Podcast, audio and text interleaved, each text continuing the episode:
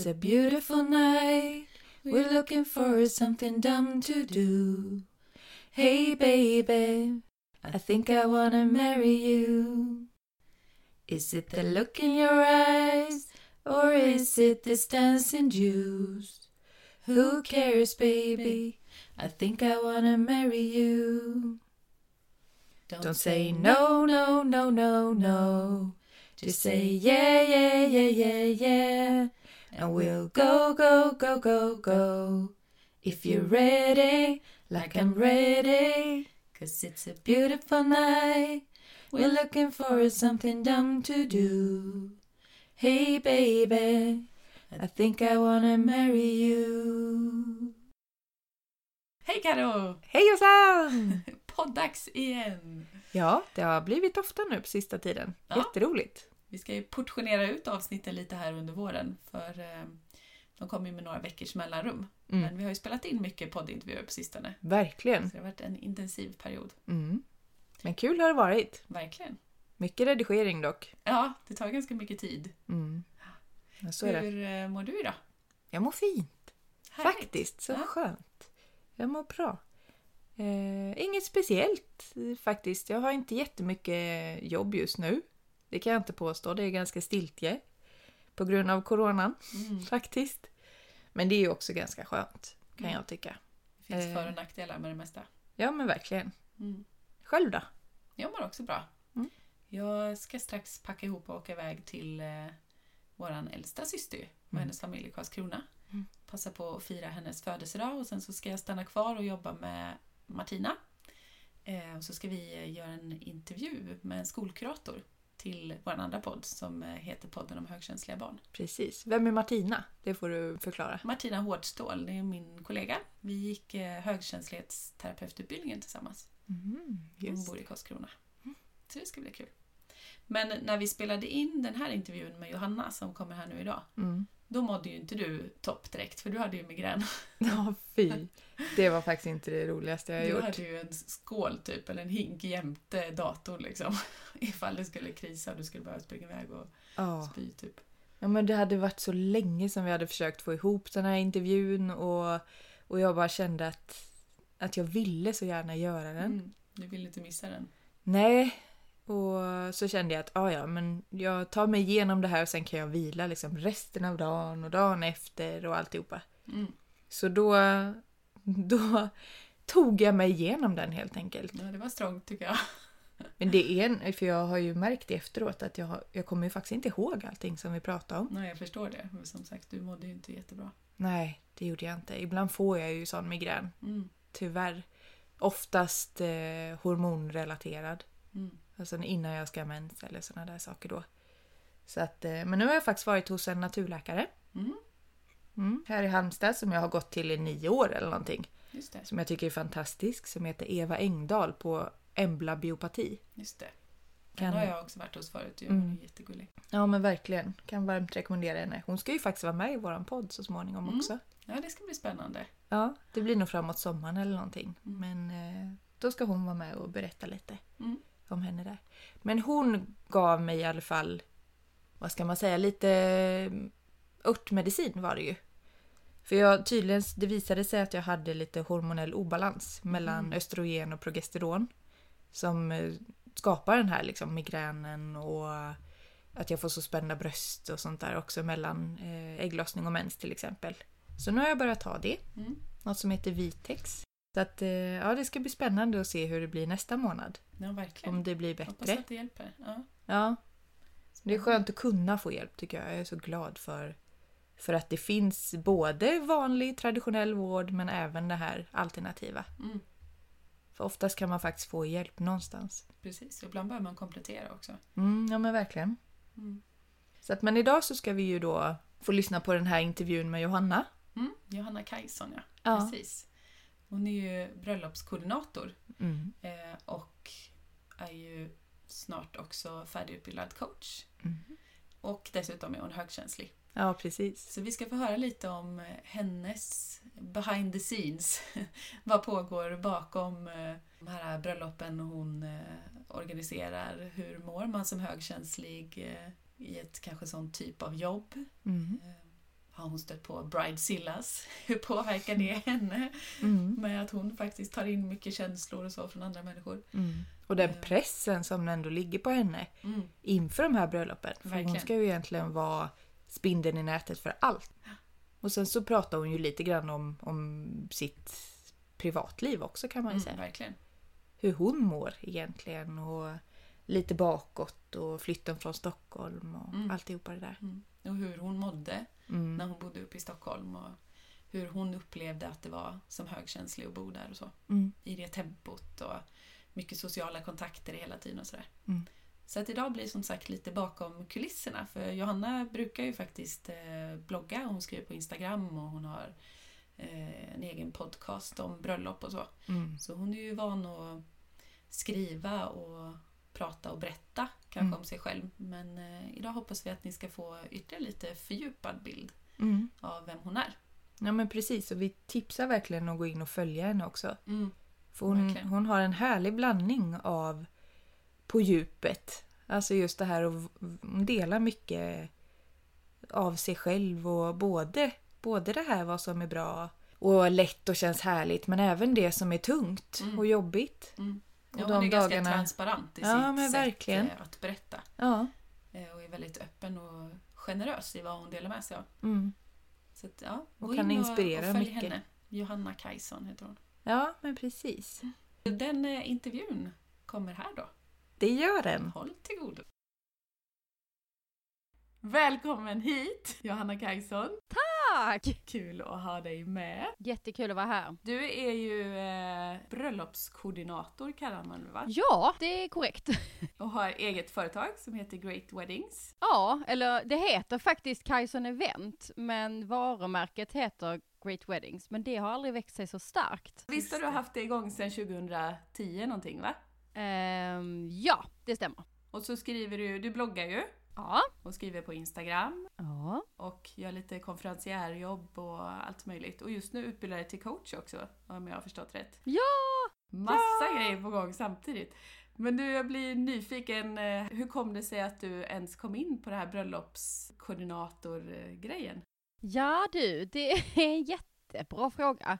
Ja, alltså jag är den där som alltid eh, har, alltså hela min familj är ganska eventig av sig. Så vi har alltid, i hela mitt liv kan jag minnas att, att vi dels har firat mycket saker, mamma, pappa och mormor, morfar och farmor och farfar var också bra på det. Att man liksom firade och gjorde ett spektakel av en namnsdag. Men liksom vad som helst. Och sen efterhand som, liksom, ja de hade mycket temafester och sånt och sen började jag liksom koncepta upp kalas eh, så smått att det fanns liksom ändå en röd tråd och sen ju äldre jag blev så blev det liksom mer och mer koncept kring det. Um, gjorde studentbalen tillsammans med uh, en kompis Lotten och vi liksom bara det här är ju så kul. Vi, gick, vi gjorde något helt annat än vad de hade gjort på den skolan innan där alla studentbaler hade sett likadana ut i alla år. Och vi gick loss på så många, alltså vi handgjorde ju alla inbjudningar och allt vad vi gjorde liksom. Men eftersom jag kommer från en liten ort i Skåne så eh, det där med festfixare och sånt visste man liksom inte vad det var. Man visste nog inte ens, alltså jag visste nog inte att det fanns någonting som hette eventbolag när jag växte upp eller när jag pluggade liksom. Och sen ja, efter gymnasiet gjorde jag lite allt möjligt, jobbade som säljare och eventsäljare och eventsäljare då fick man ju se lite säljeventdelen i alla fall och där hade vi också jättestora Sales Academy hette det, så det var stora fester, också mycket koncept och sånt där som bara, men det här är så kul. Och sen, ehm, ja, tog liksom livets resa en lite runt så att säga och till slut så, så satt jag och jobbade som projektledare och säljkoordinator på ett stort bolag, men var jätteintresserad av fest och event. Så att då var jag sugen på ehm, eh, att liksom söka till ett eventbolag, men jag var också sugen på att starta eget. Och då sa min mentor på det bolaget, då sa Lotta, men starta eget nu, varför ska du vänta? Ja men för att jag måste ju jobba och få erfarenhet och la la la la. Men jag var så ung och hon var eh, så erfaren och så peppig och sa kör direkt. Så jag sa upp mig och startade ett eventbolag. Och samtidigt som jag gjorde det så läste jag om, liksom, det fanns en liten bröllopskoordinator i Sverige då typ, som var med i någon liten notis i en tidning. Så bara bröllopskoordinator, det är ju också en fest. Det tar jag också in i eventbolaget. Och sen blev ju det såklart jättehärligt och extra allt och jättebra att göra PR på också. Mm, det kan jag tänka mig. Så att bröllopsdelen växte mer och mer. Eh, så det är det jag är mest känd för. Jag gör ju andra grejer också. Jag har gjort en bok och podd och eh, numera har jag en egen utbildning där jag utbildar bröllopskoordinatorer. Mm. Eh, så att, och sen gör jag lite annat smått och gott liksom vid sidan av också. Men bröllop är det som har blivit känt, för det är ju mest spännande att höra om såklart. Ja, du har ju varit med i Nyhetsmorgon och tidningar och lite allt möjligt ju, i din roll som bröllopskoordinator också.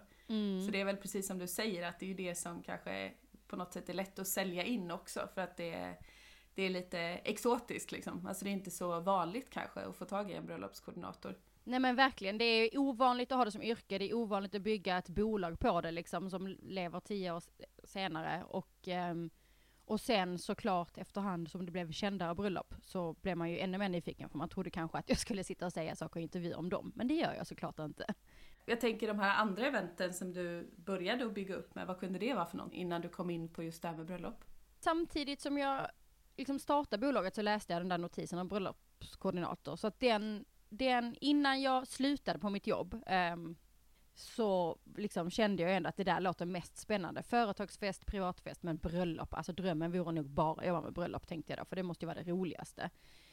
Um, men det är ingen som går och betalar för det när man eh, startar ett bolag. Så att jag, jag, jag gjorde massor. Jag jobbade eh, med ja, men framförallt säljande event eftersom det var min expertis. Jag är ju, det är liksom det som min grund kommer ifrån. Så att jag gjorde stora kampanjer för tidningen Amelia, um, byggde upp och anställde liksom sommarsäljare som stod på Ullared, i, byggde upp ett tält där de stod och sålde prenumerationer. Det gjorde jag många år. um, och jag, alltså jag tog alla möjliga konsultuppdrag. Jag hjälpte till att rekrytera säljare, utbilda säljare. Jag sålde själv. Jag ringde, fick ett uppdrag på konsult som jag inte berättade ut såklart för att det det var ju bara för att dra in cashen. Där jag ringde till, det här kan ni tänka med tanke på att vi ska prata om, om högkänslighet. Ja. Ja, mitt uppdrag var att ringa till eh, bostadsrättsföreningar och ehm, få tag i ordförande och få dem att välja och, vårt internet. Mm. Det här är ju tio år sedan. Och eh, man fick en lång lista med troligtvis ganska ofta fel namn, så man kom fel och de skulle skicka en till någon annan. Jag har telefonskräck. Så jag grät varje dag över detta uppdrag som jag gjorde för att dra in pengar eftersom jag hade startat mitt bolag. Så det ser glamoröst ut, men det har varit många år av slit såklart som jag inte har liksom bloggat om eller visat om eller ja, det var ingenting jag promotade, men det var vidrigt. Jag tror jag höll på med det i ett halvår och det var så fel.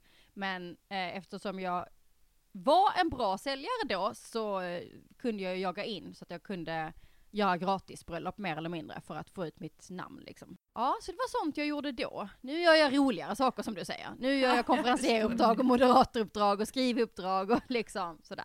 Hur går det till egentligen när man jobbar som bröllopskoordinator? Vad gör man då? Vad har man för roll liksom, i hela bröllopsplaneringen? Alltså man är som en projektledare. Ehm, det är ju betydligt mer admin än vad många tror. Eh, när jag gör helkoordineringar, alltså när jag hjälper ett brudpar och håller i hela planeringen, då går jag in från början och gör en behovsanalys och hjälper dem att hitta vad de vill ha för typ av bröllop. Eh, vad det är för budget, vad det är för prioriteringar. Eh, ja men liksom lägga en plan från början. Och sen förhandlar jag ju leverantörer, tar fram flera stycken, eh, presenterar det för dem och så får de peka, det gillar vi, det gillar vi inte och så går jag tillbaka till leverantören. Så jag har kontakt med alla. Brudparet har bara kontakt med mig och jag gör resten. Men de väljer ju hela tiden färg och form och allt möjligt. Så att jag bestämmer ju ingenting, men jag ger ju råd och plockar fram och sådär. Och sen eh, coachar jag toastmasters och peppar någon liten pappa som vill öva sitt tal dagen innan. Och sen är man liksom projektledare och produktionschef under helgen och ser till att allting lever upp helt enkelt. Det låter ju som att jag skulle haft en bröllopskoordinator när jag gifte mig. Jag med. Det Helt låter asskönt. jag är inte bra på att ta beslut och sånt, alltså det hör väl till det här med högkänsligheten med, men den här djupa bearbetningen, så jag kan ju verkligen stå och välja hur länge som helst mellan två olika alternativ. Mm. Så jag tror jag hade behövt någon som hade sagt så här. Väljer du det här så får du det här. Alltså du vet. Jag har ju vissa brudpar som har jättesvårt och man får pusha på lite extra. Och då är det ju jätteviktigt att ha byggt relationen så att de då kan känna tilliten till mig i alla fall. Att det Ja, blir så här, okej men du har ju 11 års erfarenhet, så om du lutar mer åt det, då tar vi det. Åh vad skönt, då blev beslutet taget. Jag tar ju inte det åt dem ändå ju, men jag, det, jag kan pusha på lite när de fastnar och har vi en, en bra relation, vilket jag kräver, då, eh, då, då lutar de sig lite på det liksom. Mm. Men du bodde uppe i Stockholm när du startade ditt bolag eller? Mm. Jag bodde där ehm, i åtta år. Vi flyttade ju upp och tänkte bo där kanske i två år, lite som ett äventyr. Eh, lite som att någon flyttar till Spanien kanske. Mm. typ så. Min, min kille, numera man, han fick jobb där och så sa vi ja men det blev väl bra att testa liksom. Första två åren mådde jag skit och längtade bara hem. Alltså jag Mm. höll kontakt med alla där hemma. Det var bara så här, he, hela tiden var fokus på att se till att allting var som vanligt hemma till när vi kom hem. Och det var ju synd att jag höll på så liksom. Jag investerade ju inte tiden till att lära känna nya människor och sen alltså idag när jag flyttade ner så var det så här, oh, jag är ju inte gjord för att vara i Stockholm. Inga högkänsliga människor ska bo i Stockholm. Det är högt tempo, Nej, jag tänker lite så. hög ljudvolym, folk liksom som eh, stressar i tunnelbanan. Eh, Det är så jäkla mycket mingel och tjena tjena och sådär. Mm. Och det, jag visste inte det då för jag kände inte mig själv så väl då. Men det var ju ehm, slitsamt liksom. Och jag sa inte ja hela tiden utan jag sa nej till mycket saker för att jag istället skulle gå en lång promenad och prata telefon med min kompis liksom i två timmar. Mm. Istället för att umgås med de som fanns där i Stockholm. Så att Så du var inte där så helhjärtat liksom? Nej, det var som ett kul äventyr men, men siktet var liksom hemåt hela tiden i början. Och det var min kille som hade fått jobb först ju och han fick ett jobb som låg jättenära där vi bodde. Så roliga, underbara kollegor. Alltså han hade ju så kul där så jag ville ju hänga med dem också typ. Alltså vi hade ju, det var ju AVS och så, då var jag ju med dem. Men det var ju ändå hans gäng. Mm. Och sen dessutom eh, så flyttade liksom jättemånga från min, från Rickards hemort, Småland, flyttade eh, till Stockholm samtidigt. Så hans liksom, delar av hans så här, killgäng bara bodde helt plötsligt i Stockholm. Mm. Så han hade alla sina närmsta killkompisar där, pang liksom. Så det blev ju att vi umgicks med dem och det är vårt bästa, det är det gänget vi saknar mest idag liksom. Men alla hade kanske inte tjej då och vi var ganska seriösa i vårt förhållande. Jag minns när hans kompis Micke var så här: du får backa lite, Rickard måste liksom få göra lite egna grejer. Men jag, stoppar inte honom, han vill vara med mig. Ja. Alltså jag har aldrig sagt nej. Det är inte så att han frågar och jag säger nej. Men det har han, det, idag har vi skrattat åt det, Micke bara så här, ah, det var kanske lite dumt, jag var ung och naiv där. För han flyttade till Stockholm som singel, supertaggad liksom. Så att nej men det var mycket sånt. Jag kände mig jätteensam, jätte, jätte, jätteensam. Och ehm, ja, saknade kompisarna och familjen hemma liksom. Mm. Jättemycket. Men Ja. jag tänker den här stressen som ändå, alltså när man inte bor i Stockholm eller inte kommer därifrån framförallt och åker dit så kan man ju bli rätt chockad av tempot. Mm. Eh, vi är ju uppvuxna i Åkersberga som ligger utanför Stockholm. Så vi åkte ju in till Stockholm och alltså shoppade och gjorde sådana grejer men vi var ju fortfarande inte stockholmare tyckte Nej. vi på det sättet. Eh, men nu när jag åker dit så påverkas jag ju verkligen av liksom, tempot. Nu bor ju vi i Halmstad, en liksom, ganska liten stad och en helt annan grej. Men hur påverkades du av det tempot eller den här upplevda stressen? Kände du dig stressad när du bodde där? Ja men det, det gjorde jag och ehm, jag hade inte så mycket grepp om det förrän mot slutet tror jag. Ehm, och det blev ännu tydligare när vi hade flyttat ner. Men Mm. det finns ju saker att göra hela tiden och det finns så mycket man ska och borde göra där, kan man tro. Mm. Ehm, och jag kände mig ganska fel, liksom hela tiden. Som, eh, alltså jag, jag, när jag var ung också, jag tänkte liksom att men jag är en partyprinsessa. Alltså det ska man ju vara och jag är ju social och framåt och älskar att dansa. Så att jag är ju liksom, jag gillar ju att festa. Men det gör jag inte. Jag har aldrig gillat det. Det var massa sanningar du hade där. Nej men jag, och det, jag är 34, fyller alldeles strax 35 och det är typ först nu jag verkligen sätter mina egna sanningar. Det är jättesynd och sorgligt att det har tagit så lång tid men nu går mer och mer upp för mig. Så här, men hur vill jag leva mitt liv då? Och de här sanningarna jag levt efter i så här 15-20 år som någon annan satte upp, eh, liksom, nej. Visst är det skönt när man hittar det där att så här, men det här är ju jag. Jag behöver inte spela någon roll längre. Jag behöver inte liksom pressa in mig i något fack. är så jävla skönt om man får lov att säga Jag vet. så. Och det är jättekul för jag har typ skrikit, typ, skrikit på Rickard och skrikit på min syster som inte, alltså de var så här, ja, ja jättebra, gör så. Jag bara, nu ska du veta att jag tänker inte ha på mig några obekväma byxor längre, säger jag till min syster. Hon bara, nej nej, nej, nej det är liksom, men då kommer du inte heller, kommer inte hem till mig och låna mina skitsnygga paljettbyxor. Nej, eller Du hur? kan inte klaga på att du inte har några snygga paljettbyxor. Nej, men det har ju du så jag kan låna dem. Men jag kommer inte, när du, jag kommer inte köpa de här. Hon bara, nej men det behöver du inte för hon har alltid varit väldigt stark i sig själv. Hon är så här, nej nej, varför har du gjort det i 20 år?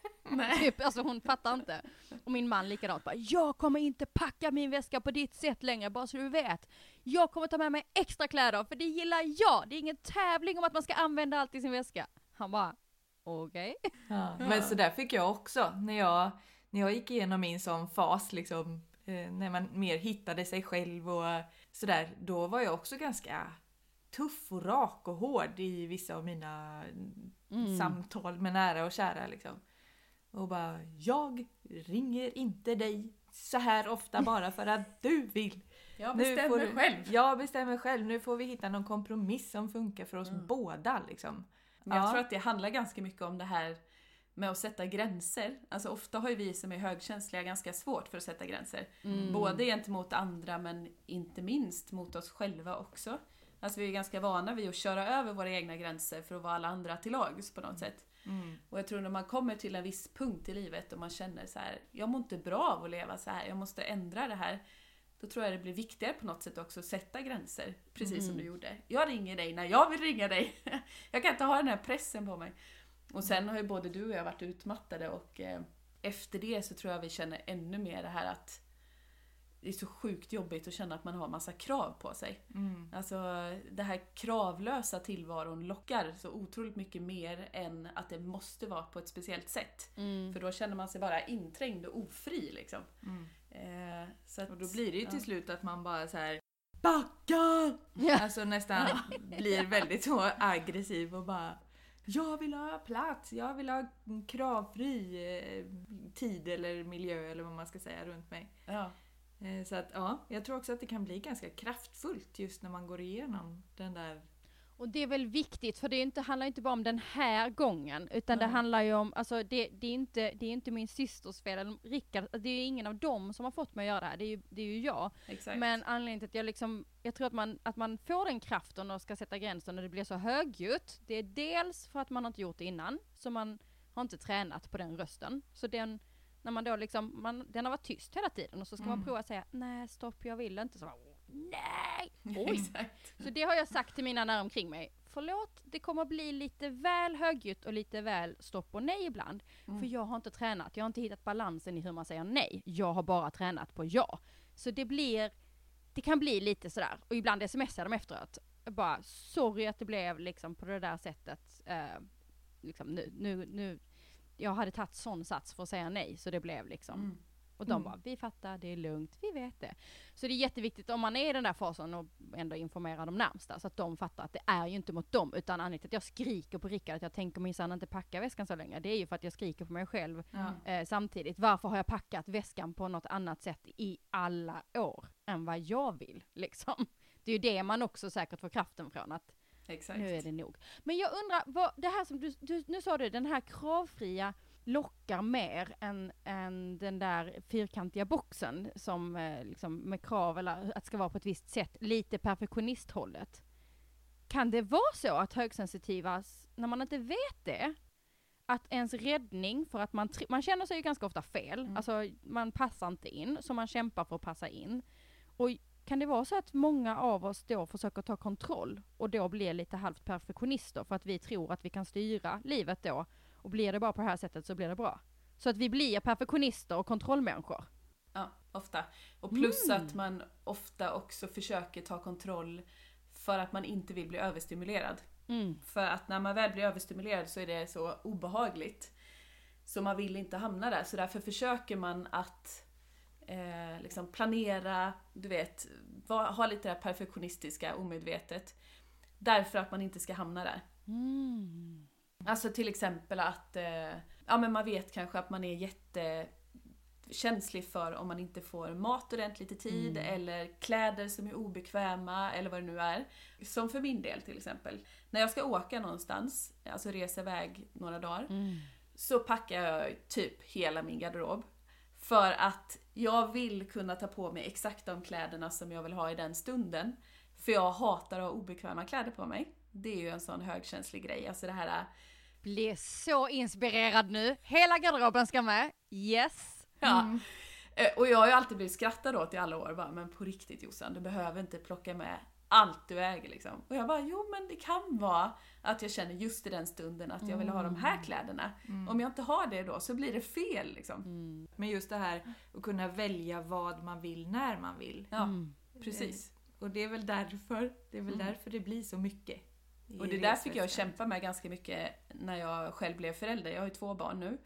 Eh, och med vårt första barn så hade jag och min man ganska mycket diskussioner. För att jag ville ha det här inrutade, för att det visste jag att det mår jag bra av. Mm. Jag märkte att mitt barn mådde bra av det och liksom, det gjorde att jag på något sätt hade kontroll på situationen. Och han blev ju galen på mig för att jag vill ju alltid packa grejerna på ett visst sätt. Och hade han packat och hade missat just det här klädesplagget då kunde du vet min dag bli liksom helt, inte förstörd kanske men jag kunde bli jätteupprörd över det. Så här, men du har ju inte packat det här, jag sa ju att det här var viktigt liksom. Eh, och det var också för att jag vill inte hamna i de här oväntade situationerna där jag var tvungen att släcka bränder eller lösa situationen för jag visste att jag blev väldigt stressad av det. Så därför såg jag ju till att ha allting extremt inrutat. För att då var det balans liksom. Visste du att du var hög? Nej, Nej. utan du, det var bara en lösning. Så, som, Ja, det var nog så man- jag alltid ja. hade varit och alltid löst Ja. grejer på något sätt. Så här löser man en, en Ja. situation där man är rädd för, som du säger, att det blir stressat eller Ja men panik. Den här panik, och den kan man ju känna så mycket. Man hoppar, oh, alltså tänk att få sitt första barn när man är så här självmedveten. För att Eller hur? det blir ju verkligen att Ja, för den där första barnet och bebisen och hela den där tiden, alltså jag känner att det kändes kaotiskt och som du säger, en känsla av panik i många lägen liksom Mm. som, som många andra inte verkade uppleva. Och jag, där känner jag mig också, jag bodde kvar i Stockholm när jag fick vårt första barn, första året där och just det här, hets, jag bloggade ju samtidigt och man får så mycket information om hur man ska vara och leva. Kan Och tänka mig det. Måste gå på öppna för- förskolan, måste umgås, måste gå de här långa promenaderna. Mitt barn ligger inte i vagnen, han bara skriker. Mitt barn gillar inte mat och han sover jättedåligt. Idag kan jag ju se liksom att okej, stackars, stackars lilla barn. Han var hungrig och trött och helt slut och hade troligtvis någonting som gjorde att han inte gillade att ligga ner liksom. Eh, så, han, så han var ju jättetjurig, att han Mm. skrek och grät 15 gånger om dagen. Och det, har man inte ett barn som gör det, då är man nog inte så, då är det nog inte så jobbigt om man har någon som gnyr till lite när de är hungriga, eller om man inte är högkänslig. Så det var ju absolut den stressigaste perioden, det var ju det sista, liksom den sista tiden i Stockholm när när jag, då hade jag också börjat umgås med entreprenörer och du vet, jag skrev min bröllopsbok samtidigt som jag var mammaledig med det här barnet som bara grät, inte åt, inte sov, säkert mådde skit, stackaren. Ehm, och jag tänkte bara att det var något fel på mig liksom. Så nej, det var, och jag ville, jag ville ge mat hemma för att det var liksom så besvärligt och jobbigt och inre stress och men det är jättesvårt att hitta självkänslan som hur? nybliven mamma och känna att jag gör på det här sättet och det är okej. Alltså det, Mm. jag kände mig helt fel och utsliten och Känner igen det där.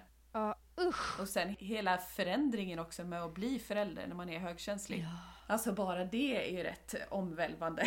Bara graviditeten och Ja, inför ja, förlossningen och alltihopa. Och mycket det här också, hur ska det vara? Och man får råd från alla möjliga håll. Och samtidigt så kanske man har någon inre känsla av att det här är viktigt för mig eller så här vill jag göra. Men det här verkar inte vara okej, så här gör ingen annan. Nej. Alltså det har jag ju berättat i, eh, i min andra podd, den podden om högkänsliga barn. Eh, om just hur jag upplevde det första tiden som förälder. Mm. Där jag kände det här, jag vill inte gå på öppna förskolan Nej. och babysim och alla grejer. Jag vill bara vara hemma med mitt Ja. barn. Jag hörde det, lyssna på det avsnittet förra veckan. Jag kände mig så jäkla fel för att jag gjorde det, för alla andra var överallt och man ska göra så här, du vet. Jag bara, nej det här passar inte mig, jag är en dålig förälder, det här går inte liksom. Det var en jäkla skillnad sen när vi fick eh, våran dotter också då, när jag bara, nej, jag tänker faktiskt göra det som jag känner är rätt för mig och för oss. Eh, nu släpper jag allt det här att liksom, jag tror att det ska vara på ett visst sätt så. Ja, nej jag håller med. Så att, ja, men överhuvudtaget tror jag att ju mer för min egen del, ju mer jag har lärt känna mig själv och är medveten om hur högkänsligheten påverkar mig och allt det där, desto mer har jag släppt på allt det här med kontroll. Mm. Alltså kontroll är ju egentligen bara en falsk trygghet. Det finns ju inte ens. Man kan inte ha kontroll liksom. Och det har ju också varit ens skydd, alltså det är det man inser nu att, och, och, Mm. det, och det är samma sak där.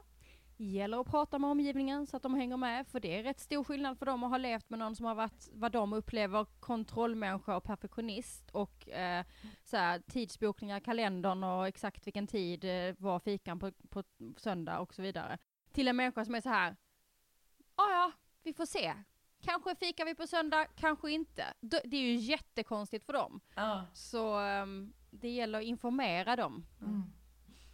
Men livet är ju så mycket skönare när man inte tar allting så jäkla allvarligt och inte värderar allting. Utan mer såhär, ja ja, Och när man är sig själv och kan gå därifrån. Ja, för att mm. eh, innan är det ju panik om de kom, om, de, om man tänkte två och de kom halv tre, kvart i tre. Man bara, det är ju 45 minuter sent. Mm. Hur, nu, om vi ska fika, sen ska vi äta mat, hur blir det då? Man liksom hade ju sin uträkning och det blir panik. exakt.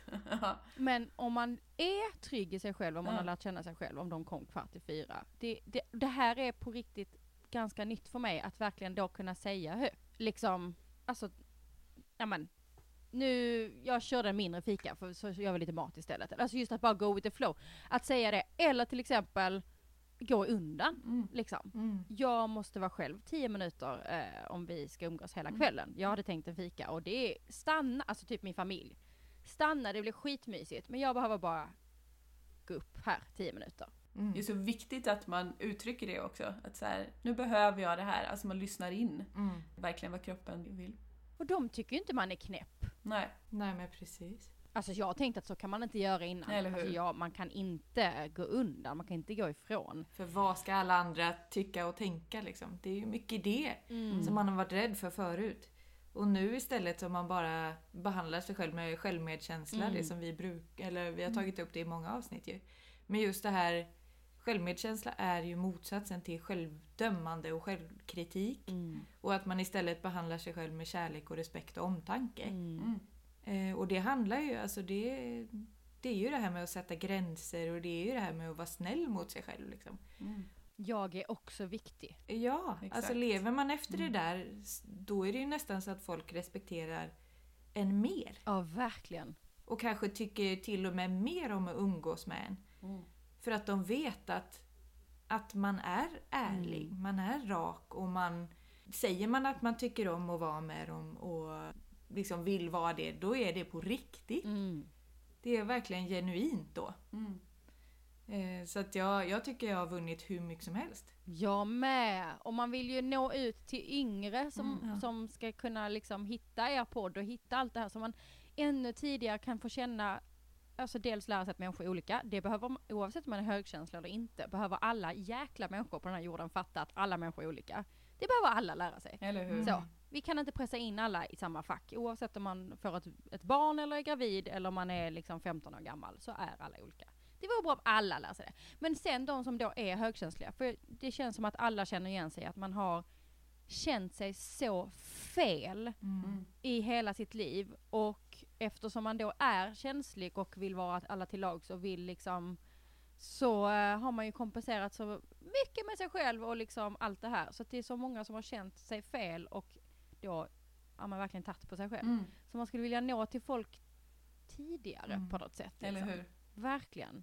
Och jag tänker till er, ni borde ju också, ni har ju retreats och sånt. Mm. Ni borde ju ha det för, för gravida högkänsliga. Har ni det? Annars borde ni verkligen ha det. Du, vi, Vi är på vi gång! är på väg. Jag har, för, Det är en precis, idé som ligger och puttrar. Bra. jag har precis anmält mig nu till en doula-utbildning. Så i höst kommer jag utbilda mig till doula. Så då kommer jag ju få lära mig just om det, alltså specialisera mig just på gravida. Men sen efter att jag har gått den utbildningen och sånt, då, då tänker vi nog starta med retreat för högkänsliga gravida. Mm. Eller par liksom så. Bra. Men jag känner att jag vill ha det i ryggsäcken först också. Så att nej, det- det ska bli så kul. Alltså jag är sjukt peppad på att gå den här utbildningen. För det, det fortsätter ju bara. Det är ju bara en sak till i min ryggsäck. Mm. Allt går ju ihop på något vis. Det här med stresshantering och mental träning och jag har läst psykologi och specialpedagogik och Och vi har lärt till mindfulness mindfulnessinstruktörer. Så att nu plockar man på sig mer och mer av de här kompetenserna i ryggsäcken som jag känner kompletterar mitt sanna jag på något vis. Så kul. Och det är det som är kul när vi har, för både du och jag har ju enskilda vägledningssamtal också. Och då kan man ju liksom plocka av de Ja. olika grejerna, dels egen erfarenhet såklart, men även av allt det här man har lärt sig längs vägen. Mm. Eh, och det, jag tänkte på det när du sa det här att man vill nå ut med det här till yngre människor också, att de ska känna att det är okej att vara som man är och sådär. Mm. Jag hade ett samtal häromdagen med en 14-åring, ett vägledningssamtal. En kille var det ju. Ja, en Mm. 14-årig kille. Mm. Eh, och som är högkänslig. Och efter det samtalet så bara kände jag så här. Gud vad det här känns givande för mig. Att kunna få bidra till någon annan, en ung person som är mitt i det här och upptäcka vem man är och liksom Mm. eh, hitta sin plats på något sätt på jorden. Och kunna få bidra med det här att du är okej precis som du är. Liksom. Det är inget fel på dig, du är högkänslig och det här beror på det. Och liksom, ja, jag tycker det är så spännande. Så att, eh, ja, men man känner att det är så viktigt att få ut det. Eh, Jag önskar att jag hade vetat det här tidigare när jag var tonåring, Mm. för då hade det fasen varit så mycket lättare att vara tonåring. Jag trivdes inte alls med, med mig själv då, eller den jag var. Liksom. Men du, jag tänkte på det, vi var inne lite på det här förut med gränssättning. Jag vet att du har skrivit en del om det på din Instagram och i stories och sådär, att du håller på och tränar på det just nu. Ja. Med lite med vad du delar med dig och sådär. Hur är det att ändå vara en offentlig person och dela med sig så mycket av sitt liv och samtidigt känna in det här, hur mycket ska jag dela med mig och var går gränsen? Berätta lite hur du, hur du jobbar med det. ja, det är ju helt nytt. Ja. Nej men jag, jag tycker inte att det är jobbigt att dela med mig. Jag tycker inte, jättemånga säger men gud tänk att så många människor vet allt det där om dig. Ja, vad, vad gör det liksom? Det har aldrig spelat mig någon roll. Innan jag bloggade eh, så det, då var jag sån liksom. Att berätta privata grejer eller sådär, personliga grejer. Det har inte jag sett som negativt liksom. Jag vet Bianca Ingrosso till exempel som delar med sig otroligt mycket av sitt liv och, och verkligen så här personliga och privata grejer. Får så mycket frågor om det också, kritik för det. Men, Mm. men det är nog också en personlighetsgrej. Att an, antingen så är, man har integritet, man behöver hålla saker för sig själv. Eller så är man så här, ja men det här är ingenting som liksom jag flashar som är obehagligt för mig. Utan det blir obehagligt för dig för att du kanske inte hade velat dela med, dig av det. Liksom. Nu är det lite tuffare för att nu är första gången som jag tänker på att ehm, att inte dela med mig exakt i stunden. Nej, jag, jag har alltid tänkt på det. Det har varit, var mycket med, med graviditeten där och, och när, när jag fick reda på att, liksom, att vi nog behövde göra kejsarsnitt och inte Alltså jag har alltid väntat in, tänkt efter innan jag har publicerat så att jag aldrig kan känna efter att oj nu delar jag för mycket. Så det har jag, jag har aldrig känt det. Men nu gick jag i traumaterapi förra året. Ehm, och jag har inte delat med mig om exakt vad det är som har hänt. Så ingen behöver skicka på DM till mig och fråga det, för det får jag hela tiden. Kan du berätta liksom exakt vad det är för enormt trauma du var med om? Nej, det är första gränssättningen. Jag kommer Mm. inte berätta exakt vad det är som har hänt. Men det var vidrigt och det pågick under fem år. Och eh, det uppkom när jag hade fått mitt första barn. Jag hade liksom blockerat den delen i hjärnan innan. Så det, det var det jag höll på med och i det så har um, min underbara coach sagt till mig att så här, vet du, du behöver inte berätta för folk vad som har hänt. Du behöver inte berätta för folk um, när du har PTSD-vågor och har skräckgrejer i din hjärna. När du är helt förtvivlad och är helt matt och slut och bara gråter och gråter behöver du inte plocka upp kameran och dela det på stories. Och det har jag ju alltid fått positiv feedback på att folk är såhär, Mm. gud vad skönt, jag känner mig inte ensam när jag ser att du också är en mamma som ligger i ett hörn i köket och gråter för att du har lagat mat och barnen bara skriker och kastar maten på- golvet och du ska plocka upp det och ketchupfläckar och allt vad det är liksom. Men som hon säger, istället för att göra det så ehm, tänk vad behöver jag nu? Så här, just nu är jag på botten och just nu behöver jag ta hand om mig själv före. Och det är ju väldigt nytt för mig ens att tänka så. Mm. Ehm, att sätta mig själv först. Och det ingår ju i med barnen, eh, med min man, med min familj, med en vän. Nej, jag kan inte gå en promenad med dig den här veckan. Jag behöver ta all tid som finns till att vara tyst själv. Mm. Så. Och det gäller med bloggen och eh, Instagram. Och jag har ju bloggat så himla länge och jag har delat med mig så himla länge. Så det är en ny, det är en ny vana att, att sätta stopp på nej. Och Mm, jag eh, förstår det. att inte behöva svara på alla DMs, att inte behöva svara på alla kommentarer, att inte behöva dela med mig om exakt liksom ehm, eller försvara varje val jag gör eller sådär, utan bara försöka hitta tillit till mig själv och mina beslut. Att det här blir bra, det här har jag bestämt och jag Likadant nu i pandemin och val man gör hela tiden. Man ska ju avväga hela tiden. Det är vidrigt att vara högkänslig i pandemin för att man ska varenda dag fundera på är det där sn- är snorkråkan någonting som kommer döda någon annan eller kan han gå till förskolan? Alltså det- Exakt. Mycket det här ansvarskännande kommer ju in i det.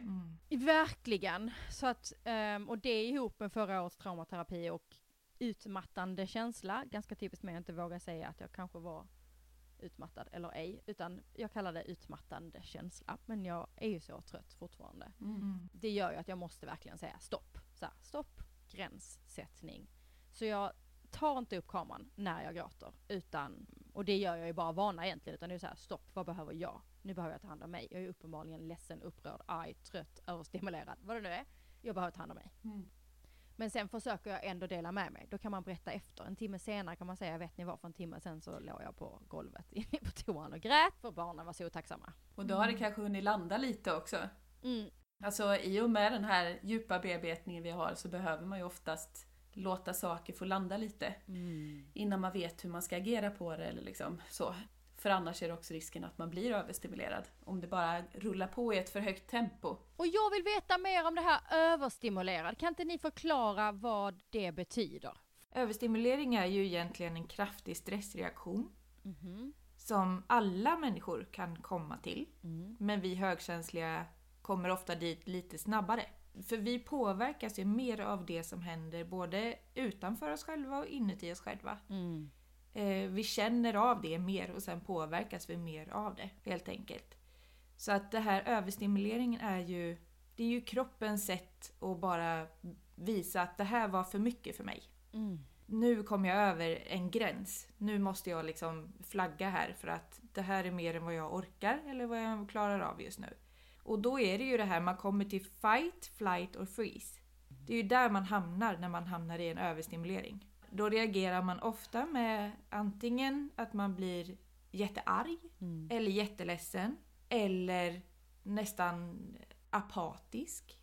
Alltså man orkar inte göra någonting. Man Man, vill bara, ja man ger upp. Man stänger av liksom. Mm. Mm. Och sen kan du också hamna i det här flight, alltså just att man bara vill fly. Mm. Och då kan det vara så att vissa människor tar till droger för att fly. Mm. Vissa tar till alkohol, vissa tar till självskadebeteende. Alltså att det kan komma ut i ångest. Mm. Inte att man medvetet tar till det, men Nej. att det är så obehagligt att vara i det där stadiet av överstimulering och särskilt om man är det under en väldigt lång tid. Mm. Eh, Så att det, det kan bli som en inre ångest som till sist behöver kanaliseras på något sätt. Och om man inte har verktyg och vet hur man ska göra så kan det ibland ta sig sådana uttryck då, som Karo precis sa. Vi måste ut på högstadieskolor och föreläsa. Och ta hand om dem. Det Men det är ganska velat. vanligt, tyvärr, alltså som högkänslig, att drabbas av ångestproblematik. Mm. eh, eller stressproblematik och sånt. För att vi, vi har ett känsligare nervsystem. Mm. Egentligen baseras ju högkänslighet på fyra grundkategorier, eller jag vet inte om du har hört talas om dem, DAS brukar man förkorta dem. Mm. Så där är ju D är ju djupa bearbetningen, O är overstimulation, alltså överstimulering.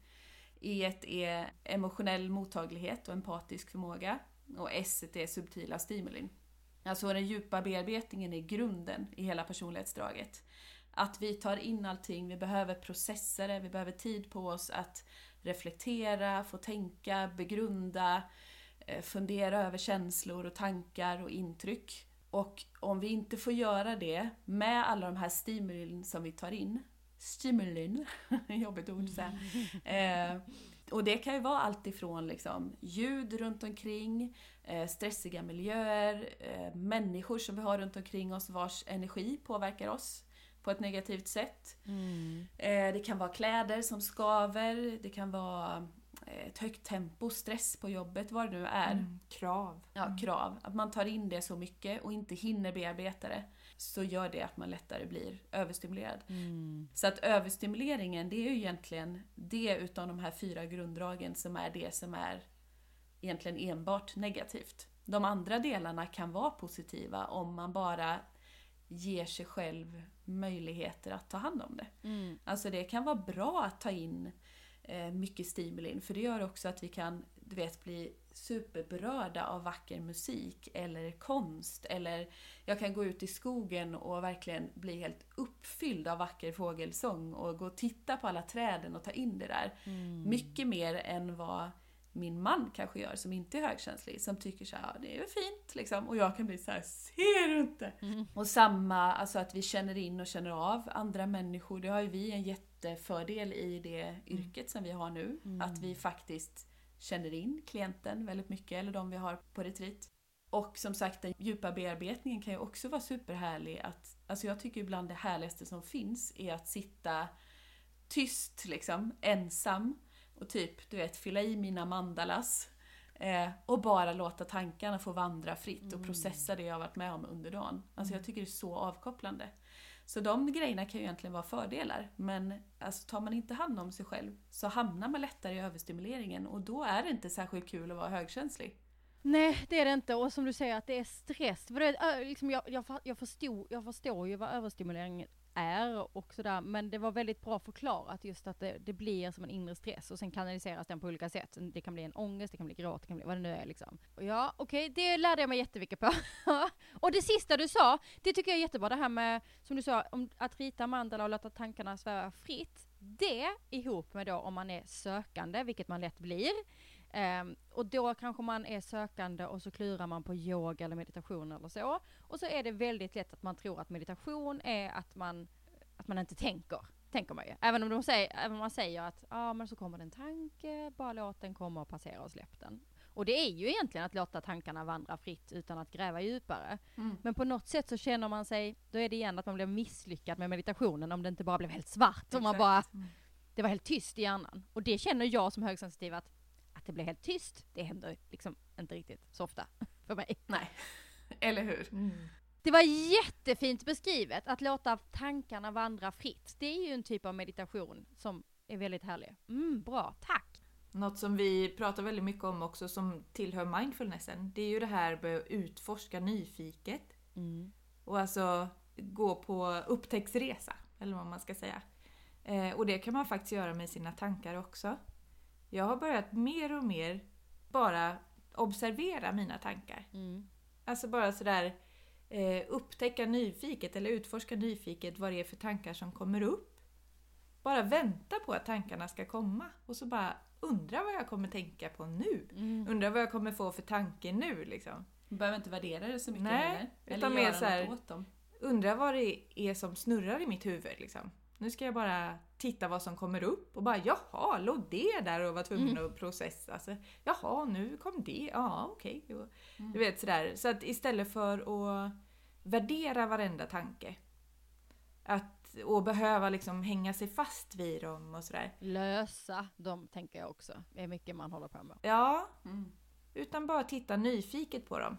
Och också komma ihåg att tankar är inte sanningen. Nej, så viktigt. Alltså man behöver inte tro på allt man tänker.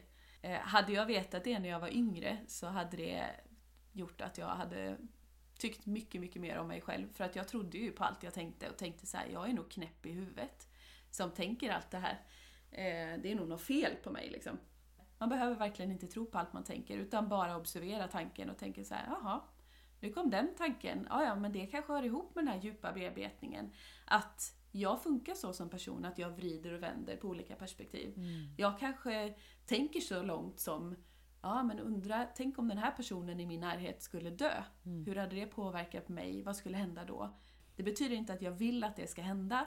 Det betyder bara att min hjärna fungerar på ett sånt sätt att jag tänker många steg i förväg. Mm. Och det gör ju också att vi, jag tror också att det på något sätt är en, jag vet inte om man kan säga det för överlevnadsinstinkt, men alltså att våra hjärnor funkar så med den djupa bearbetningen att vi både funderar bakåt men också framåt. Eh, och tar in mycket av vad som skulle kunna hända. För också när, om det väl händer, då har vi redan varit där i tanken och vet så här, hmm, det här känner jag igen.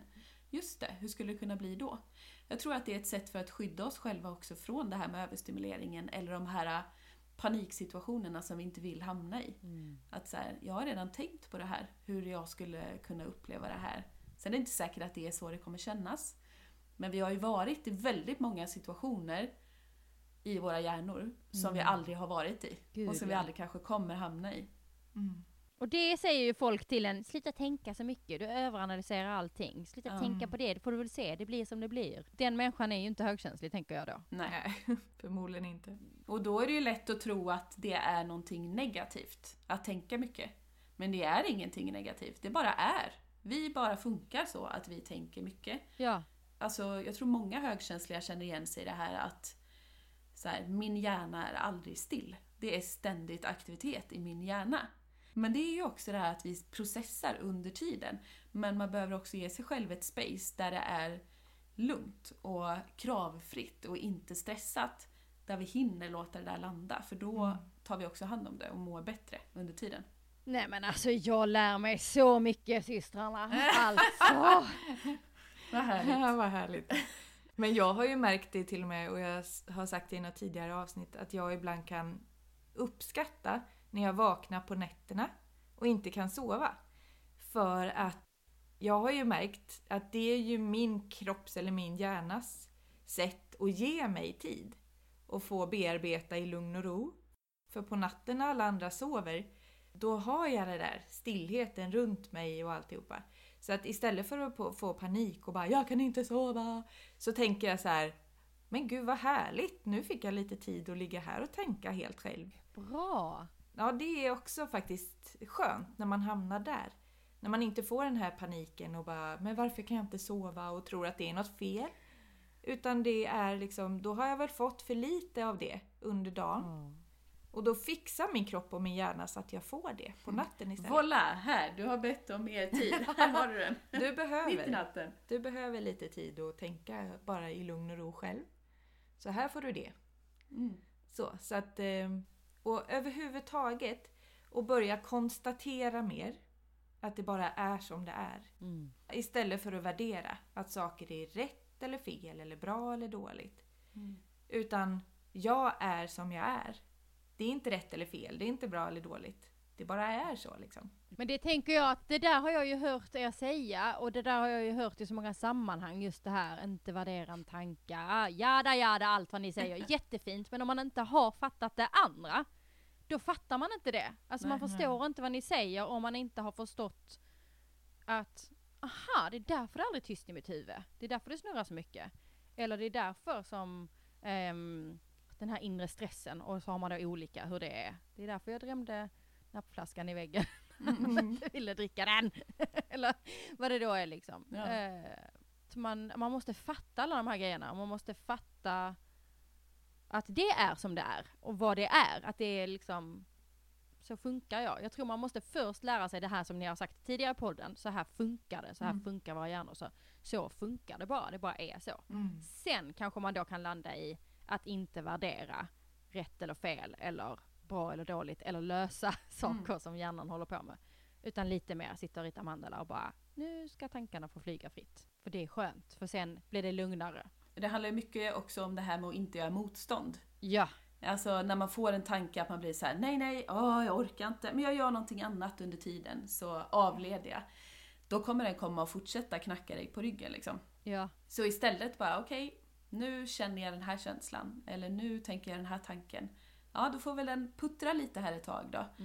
Och sen så kommer den släppa. För alltså att om man inte gör motstånd mot det, framförallt mot starka känslor eller så, då släpper de taget snabbare. Alltså så funkar det med känslohantering. Eh, Det finns ju till och med ett uttryck som heter What you resist persists, what you feel heal.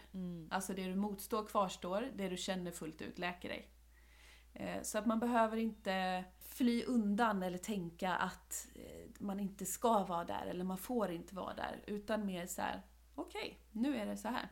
mm, Nu behöver det få greja runt lite i systemet liksom. Och också kanske se även på det här med känslor med lite nyfikenhet. Att ja, nu kommer den här känslan med någon information till mig. Vad handlar den om? Nu känner jag att det bara bubblar ilska i min kropp. Okej, intressant. Vad handlar det om? Ja. Inte så här, varför är jag arg nu igen? För varför-frågor, det gör att man hamnar i huvudet. Alltså då försöker man logiskt tänka ut och det är inte där man får information. Utan man vill komma ner i känslan och kroppen istället. Mm. Så då är det mycket bättre att ställa frågan, vad handlar det om? Vad handlar det om att jag känner så här? Eh, vad handlar det om att jag tänker så här? Eller att jag kommer tillbaka till det här? Vad är det det här vill säga mig? Vad är det för information i det här som jag kan ta till mig? Och då får man helt andra svar från kroppen, från ens medvetenhet. Än vad man får om man tror att man ska kunna tänka ut allting.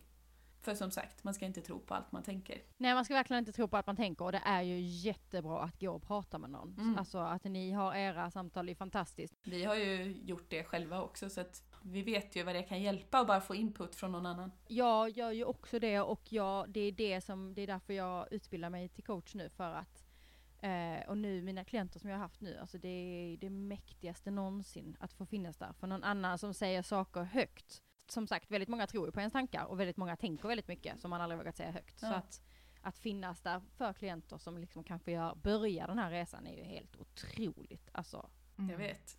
Det är en häftig känsla när man märker att de kommer till någon typ av release. Att säga jaha, är det det här? Ja. Du vet, man blir lika glad själv. Ja men ni ser ju nu! Jag liksom, det är så mycket som klickar i nu. Det är liksom, det är, nej, det är så coolt. Mm.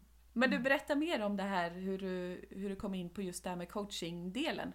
Vad var det som gjorde att du ville fortsätta utveckla det mer och gå den här utbildningen? Alltså jag, en, det har jag velat jättelänge. Alltså sen innan jag fick mitt första barn så har jag liksom varit och nosat på det där. Men sen så eftersom jag har känt att jag är ju väldigt känslig, tar på mig andra människors känslor, bär med mig deras historier så kan väl inte jag jobba med någonting, någon slags samtals, alltså jag visste ju inte vad jag ville utbilda mig till utan mer bara att jag ville typ jag har alltid varit väldigt intresserad av relationer, eh, att liksom skulle vilja jobba med det, men sen ju mer åren gick så var det också, eller relationer med dig själv, det är kanske det jag vill jobba med, alltså självutveckling. Mm.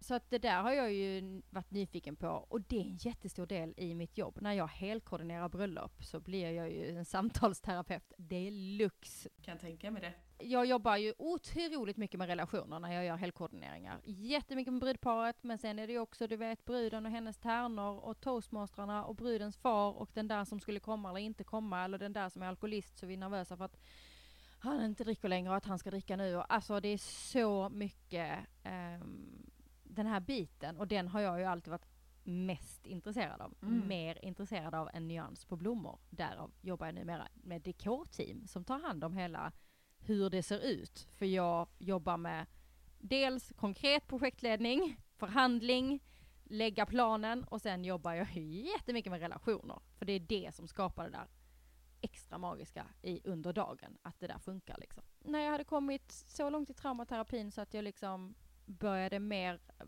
titta på läkning än eh, skrik och panik, nu dör jag känslan. Så eh, var det vid något tillfälle som jag vågade säga högt till eh, henne, min coach, liksom Ja, men jag har ju en dröm, jag har haft det jättelänge och den tänker jag kanske att jag kan ta tag i 2023. För att nu är jag fullbokad för bröllop 2020, 2021, 2022. Så 2023 tänkte jag kanske att jag skulle liksom frigöra lite tid för att ja, men gå någon utbildning liksom till coach eller sådär. Att utfå, just nu är drömmen att gå utbildningen. Alltså då vågade jag inte ens drömma om att jobba med det liksom. Så hon bara, eller nu. Det var samma sak som när jag skulle starta bolag. Den mentorn jag hade då som bara, eller så gör du det nu. Just det. Jag bara, nej men det kan man ju inte göra för bla bla bla bla bla bla. Eller så gör du det nu. Så det, jag tror jag börjar två veckor senare liksom. För att magkänslan har ju sagt att det, det är verkligen det jag vill jobba med. Och så har jag inte lyssnat på den här magkänslan. Exakt, det är det man ofta inte gör. Nej. Så det är så kul, så spännande. Jag förstår det. Var i utbildningen är du nu då liksom? Jag diplomeras om tre veckor. Oj, Oh! okej. Om jag klarar testet, det får vi väl hoppas. Det är klart du gör. Spännande. Ja, jag säger till mig själv som jag brukar säga till min son att man ska säga sitt namn. Jag brukar säga till Charles så här, säg så här, jag heter Charles, det här fixar jag. När det är någonting han tycker är läskigt eller så. Så jag säger så till mig själv hela tiden, jag heter Johanna, det här fixar jag. När jag liksom får panik över att jag ska misslyckas. Ja. Men eh, ja, så jag, jag har ju jobbat med tre klienter um, de senaste månaderna och um, klurar på om jag kan ta med en klienter i vår eller om jag nu, eftersom jag har en utmattad känsla eftersom jag är fullbokad i bröllop och mina elever i Academy och podden så bör jag väl vara snäll mot mig själv och inte påbörja det här förrän i höst. Men det här, jag brinner ju så mycket så jag vill ju nu, nu, nu, nu.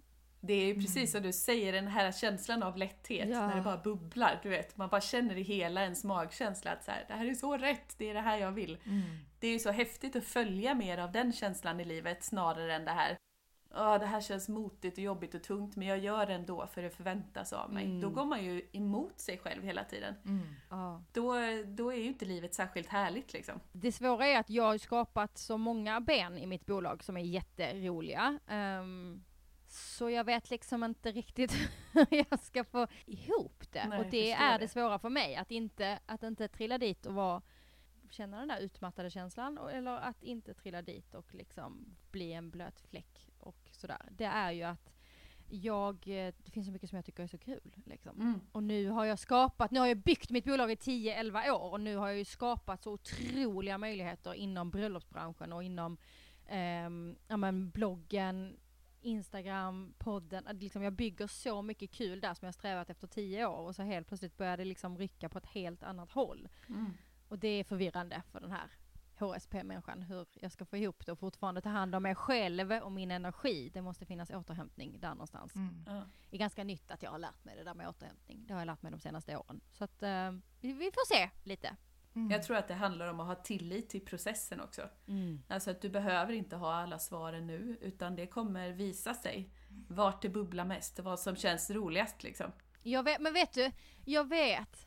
Men mitt problem är att, att jag måste också ha ett jättestor, en stor stoppskylt för mig själv. För jag, bok, jag kan liksom, det är likadant, jag får ju bröllopsförfrågningar varje vecka. Och så jag tränar varje vecka på att säga nej. Alltså jag måste säga nej, nej, nej, nej. Kan du komma och gästa här? Nej. Kan du göra det här? Nej. Kan du eh, svara, jag pluggar, kan du vara med i min undersökning? Mm. 50 DM om dagen på Instagram som bara har en liten fråga om hur jag tänkte där eller vad jag hade köpt den där eller eh, om jag kunde tipsa om det här. Och jag har sagt ja till alla för jag, jag är väldigt empatisk och jag vill finnas där för alla. Jag vill det, jag tycker det är härligt. Mm. Men det går ju inte ihop Nej. då, så att säga. För om jag ska svara på 50 DMs om dagen och jag ska svara på fem eh, människor i veckan som bara vill få lite bollning för dem, deras dröm är att jobba med bröllop eller de har någon liten undersökning eller vad det är liksom.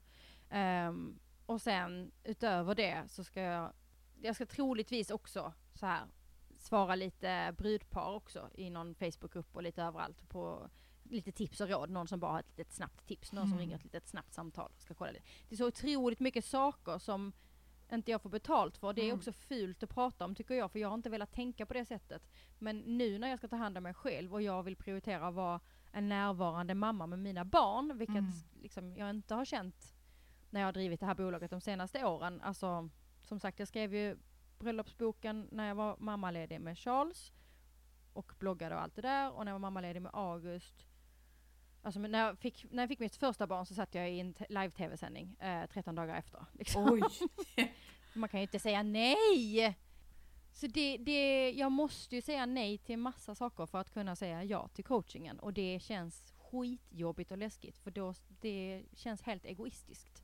känns fruktansvärt att inte svara på någon som är student som vill ha tips till sin liksom, uppsats eller på DMs på Instagram där folk har förtroendet att ställa en fråga till mig oavsett om det är hur man slutar med en app eller vilken tröja jag hade på mig eller vad som helst, IVF, vad det nu kan vara. Det, jag har ju byggt upp att finnas där. Kom ihåg där nu att när man visar självmedkänsla och är tydlig med det till andra också. Alltså du kan ju skriva det någonstans att på grund av min livssituation just nu och på grund av att jag vill hinna vara en bra mamma och jag vill hinna ta hand om mig själv så kommer jag inte hinna svara på alla era kommentar eller frågor och alltihopa. Jag hade så gärna velat men tyvärr så kan jag inte. Nej. Mm. Alltså du vet, det räcker att du skriver det så kommer de inte bli besvikna. Nej. För då har du liksom varit tydlig med det från början. Det är svårt. Ja. Okej, jag har tillit till dig. Tillit till processen. Och det där är ju en av de stora utmaningarna också med att vara högkänslig. är ju också det här med att lära sig att, att säga nej, att det är okej Mm. och att inte dels inte ta saker personligt själv, men också släppa taget om att andra människor skulle ta det personligt bara för att du säger nej, jag kan tyvärr inte. Ja. Alltså det är okej. Ett Ja. nej betyder inte att det är stopp för alltid, det betyder bara att det kanske går en annan väg. Det kanske inte eh, liksom betyder att det, du vet, för alltid är definitivt nej. Det kanske någon annan gång kommer funka på något annat sätt. Men just nu är det nej, Mm. för att det funkar inte. Och det är liksom, det är okej att säga det. Ja, och lära sig då som du säger att inte bära andra människors känslor. Att, Mm. att om den människan blev ledsen, arg, besviken eller vad som helst för att det matchade inte in i deras liv så är det deras. Mm. Ja Mm. men precis, då behöver du få tillåta dem att känna det. Liksom. Absolut, förstår att det var jättetråkigt liksom. Mm. Men, men det är ändå ett nej. Ja, för där har ju exakt. många också kunnat skruva om mina nej till ja och är väldigt vana. Vi har kunnat skruva om, pressa in lite här och lite där och lite kan man väl.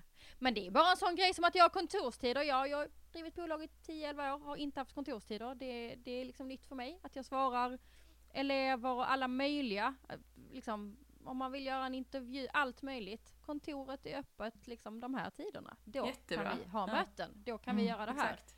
Orkar inte stå på huvudet. Alltså jag har haft möte 22.00 på kvällarna, stup i kvarten. Och ja, jag har så många arbetstimmar som jag har jobbat dygnet runt som jag kan ta av nu för att djupandas i 10 minuter. Ja. Mitt på blanka dagen till exempel. Mm. Men du, jag tänker förutom det här med att det kan vara jobbigt att säga nej för att man inte vill göra andra besvikna. Vilka andra delar i högkänsligheten tycker du är de största utmaningarna för dig? Och framförallt tänker jag kanske i ditt jobb, även privat också såklart och som mamma. Men jag tänker i det här liksom, ja men bröllopskoordinator, jobbet, allt med sociala medier, allt det du gör. Vad är dina största utmaningar just nu då med att vara högkänslig? Alltså just nu är det ju att inte dela med mig av allt. På något sätt så, alltså mitt, mitt naturliga jag, det, den processen jag är i vill jag ju bara skriva ut exakt allt. Hela, hela alltet och hela sanningen Mm. och bara få ur mig det. För det är väldigt läkande för mig. Och det finns så många ehm, som blir hjälpta av det. Mm. Det är, det är otroligt hur många som hör av sig och ehm, ja, men som genomgår IVF till exempel, som fortfarande hör av sig och liksom känner sig stärkta av det jag har delat med mig. Ehm, eller ofrivillig barnlöshet eller valet av kejsarsnitt på grund av sexuella övergrepp. Alltså det, det man är så jävla ensam och Mm, utsatt i många fall och för många så hamnar man på min blogg och känner ju min empati för alla de här människorna och känner att det finns någon annan som har gått med, liksom, varit med om det här Mm. och eh, det är så få som delar med sig. Så det, jag har, känner ju att jag har ett ansvar att fortsätta. Men nu är jag tillsagd att inte dela med mig av hela grejen och jag inser ju själv, jag är ju fortfarande i det. Jag har ju diagnosen liksom PTSD och verkligen mår mycket, mycket bättre idag. Kommer inte lika mycket eh, av sorg, skuld och skam och panik och nu dör jag känslor. Men de kommer ju fortfarande så att det kanske är om 30 år jag kan berätta min historia. Man, alltså det är ju inte nu, men det är svårt för mig för det, eftersom jag är högkänslig vill jag gärna inte bli missförstådd. Jag vill ju gärna bli förstådd. Eller hur? Och då eh, blir det så svårt när jag delar med mig om andra grejer i min personliga utveckling eller sådär. När, när, jag inte, när man inte vet vad det var som hände Mm. och varför. Och det är jättejobbigt, jag är så rädd, vet vissa har ju frågat liksom så här, men hur kunde inte dina föräldrar, det verkar som att du varit med om någonting, hur kunde inte de? Jag har världens bästa föräldrar, världens bästa människor runt omkring mig, alla gjorde så gott de kunde. Mm. Eh, liksom. Och det blir ju så jobbigt att ha delat med sig lite. Mm. Så det är min struggle typ hela tiden nu. Hur ska jag fortsätta nu och framåt med bloggen och Instagram? Ehm, liksom, för att många är såhär, ja men bara sluta prata om någonting om det där liksom. Så Mm. bara, fast det funkar inte för min, jag delar med mig av mig liksom. Och det är tydligen en, en jättestor del i ryggsäcken. Det är svårt, den gränssättningen är svår. Jag tänker att det är skillnad också på att vara personlig eller vara privat. Absolut. Alltså du kan vara personlig och dela med dig av dina känslor eller tankar eller liksom nu är jag i den här processen men du Exakt. behöver inte vara privat och gå in i detalj vad som hände för det har ingen annan med att göra egentligen. Exakt. Och så gör jag, de, de flesta är, respekterar det. Och så, gör, och så har jag egentligen alltid gjort. Alltså det kan ju hända saker i familjen och då delar jag inte exakt vad som har hänt. Nej men exakt. Utan då kan jag dela hur jag känner kring det. Mm. Och det har jag alltid gjort, så många tror nog att jag är privat. Men, men jag är väldigt personlig. Och väldigt öppen så. Men så det, det är tufft för mig. Det är tufft att få råd stup i kvarten och det får man ju när man delar med sig. Um, det, jag håller på att hitta en balans där men det har varit det tuffaste senaste halvåret. Eller egentligen de senaste åren men jag har inte fattat det. Um, för att eftersom man är så inkännande Mm. så tror jag att vad alla säger till mig som tips är facit och sant. Just det. Och det kan ju vara, du vet, om jag säger så här bara, ah, jag är så arg, jag har PMS. Sluta dricka kaffe, då kommer du inte ha PMS. Ja. Jaha? Och så säger någon annan, ta de här kosttillskott. Jaha? Eh, gör på det här sättet. Jaha?